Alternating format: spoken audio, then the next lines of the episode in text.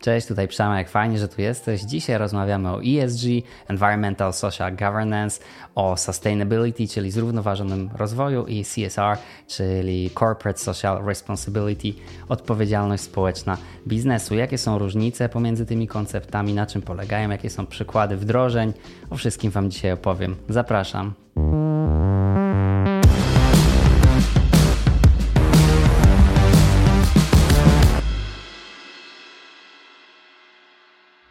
Zacznijmy od tego, że każde z trzech pojęć operuje w takim obszarze, gdzie świat biznesu e, stwierdził w pewnym momencie, że nie możemy działać tylko i wyłącznie dla zysku, chociaż oczywiście celem każdego przedsiębiorstwa, nadrzędnym celem jest generowanie zysku dla właściciela, czy to prywatnego, czy e, funduszu inwestycyjnego.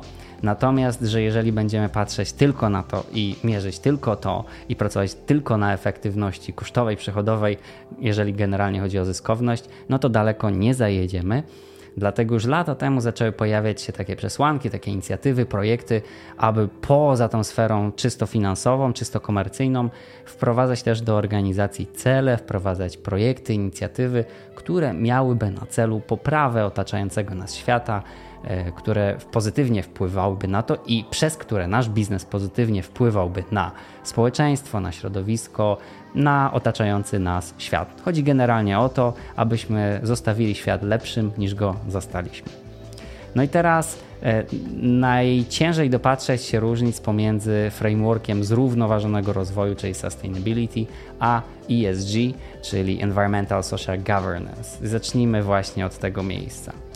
Mówi się o tym, że sustainability, że zrównoważony rozwój to jest coś, to jest koncept, to są inicjatywy, które przede wszystkim wpływają na środowisko. I tak rzeczywiście było, od tego się zaczęło.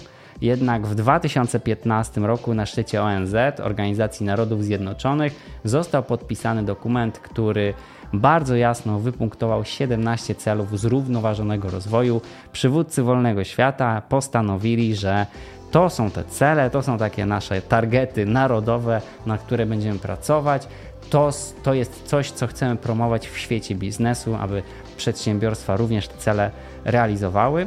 To jest oczywiście coraz bardziej wspierane przez organizacje rządowe, pozarządowe, ale biznesy same w sobie bardzo mocno pracują na to, aby tak było. I w związku z wprowadzaniem tych celów, agenda zrównoważonego rozwoju, sustainability, się poszerzyła, bo mamy już tutaj nie tylko cele, które wpływają stricte na środowisko, ale również te, które sięgają znacznie szerzej, bo celów jest aż 17 i są to koniec z ubóstwem, zero głodu, dobre zdrowie i jakość życia, dobra jakość edukacji, równość płci, czysta woda i warunki sanitarne, czysta i dostępna energia, wzrost gospodarczy i godna praca, innowacyjność, przemysł, infrastruktura, mniej nierówności, zrównoważone miasta i społeczności, odpowiedzialna konsumpcja i produkcja, działania w dziedzinie klimatu, życie pod wodą, życie na lądzie, pokój, sprawiedliwość i silne instytucje, partnerstwa na rzecz celów zrównoważonego rozwoju.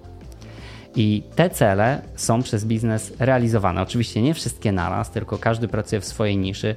Czasem zdarza się tak, że organizacja ma na tyle szeroki wpływ, na tyle szeroki impact, że pracuje w ramach kilku takich celów i realizuje je. No i teraz wracając do różnicy z ESG. E, w ramach zrównoważonego rozwoju coraz częściej pojawiają się takie inicjatywy, które mierzą ten impact. Czyli to nie jest tylko hasło, to nie jest tylko nasza motywacja do tego, żeby być lepszym, żeby dostarczać wartość dodaną, ale też, żeby robić to w mierzalny sposób, żeby wiedzieć, jaki mamy postęp w temacie i jak nasze działania mają się do działań innych firm.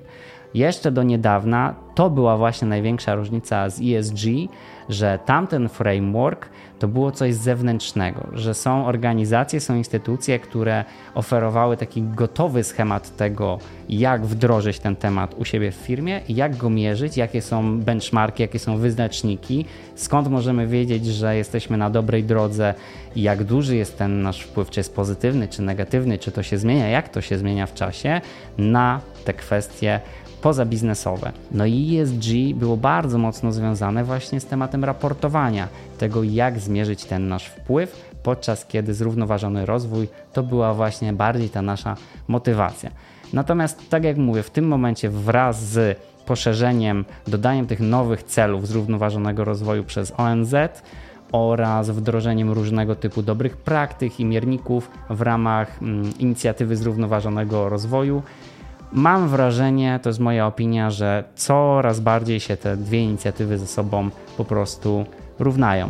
Jeżeli chodzi o samo ESG, składa się z trzech filarów. Pierwszy to kwestie środowiskowe, no i tutaj firma musi sobie odpowiedzieć na takie pytania jak jaki mamy wpływ na środowisko, ile emitujemy dwutlenku węgla do atmosfery w naszym pełnym łańcuchu dostaw, czyli nie tylko w ramach naszej operacji, ale też co robią nasi dostawcy, co robią nasi klienci z naszymi produktami i usługami. Jak zarządzamy gospodarką odpadów, czy nasze biura, w których operujemy, są eco-friendly, czyli czy są na przykład budynkami pasywnymi, czy zarządca naszego biura dba odpowiednio o gospodarkę odpadami. Jak nasi pracownicy dojeżdżają do biur, czy to jest konieczne, żeby do tych biur dojeżdżali, czy jesteśmy w stanie zapewnić im dostęp do środków komunikacji, które są napędzane inaczej niż paliwami kopalnymi.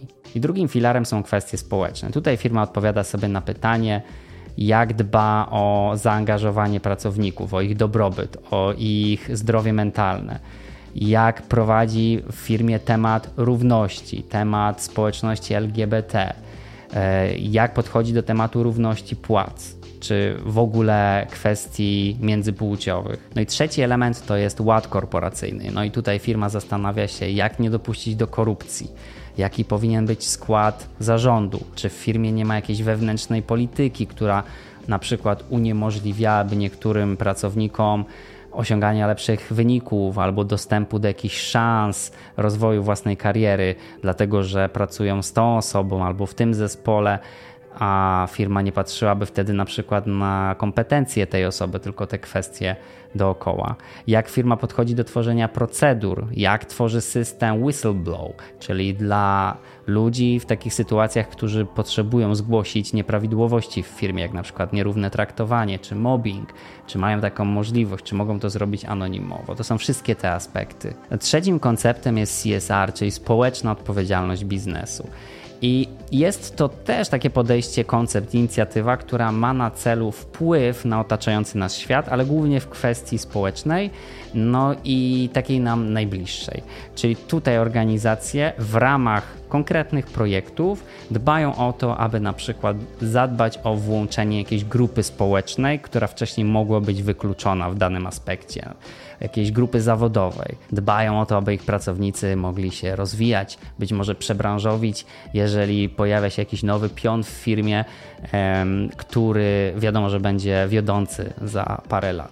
To są aspekty, gdzie firmy włączają w swój biznes osoby z niepełnosprawnościami, dbają o to, aby miały one równe możliwości rozwoju co osoby bez tych niepełnosprawności. Także z moich doświadczeń CSR to są takie bardzo przyziemne inicjatywy, które są niezwykle ważne, które być może nie są realizowane na taką skalę ogólnokrajową, europejską, światową, są realizowane w najbliższym naszym otoczeniu, ale pomagają konkretnym osobom tu i teraz w bardzo bezpośredni sposób, więc takie projekty, akcje CSR-owe są super ważne i mocno popieram.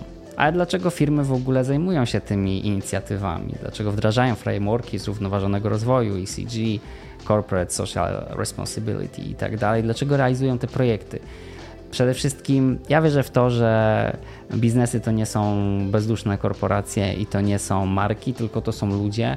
I jeżeli w firmie pojawia się taki projekt, to znaczy, że był tam jakiś człowiek, który rzeczywiście chciał coś zmienić, więc biznesy chcą czynić dobro, organizacje chcą czynić dobro.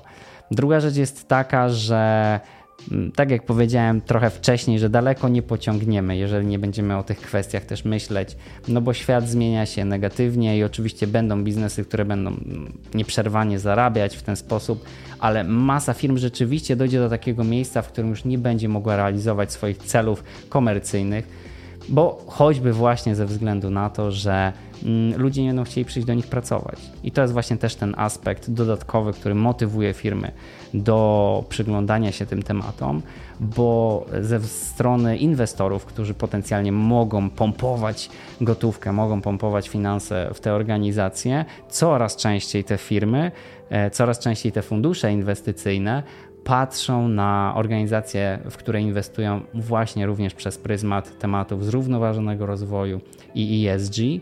E, dlatego, że to jest ważne dla ludzi, dlatego, że to jest ważne dla ich późniejszych klientów, dla ich pracowników problem z pozyskaniem pracowników. Zobaczcie, jak duże kłopoty w tym temacie mają organizacje, które właśnie z natury e, mają taki biznes, który ma negatywny wpływ na środowisko, tematy paliw kopalnych. Te firmy naprawdę dwoją się i troją, żeby jakoś ten negatywny impact zbalansować że okej, okay, tutaj produkujemy paliwa kopalne, ale z drugiej strony e, sadzimy drzewa tam, gdzie trzeba.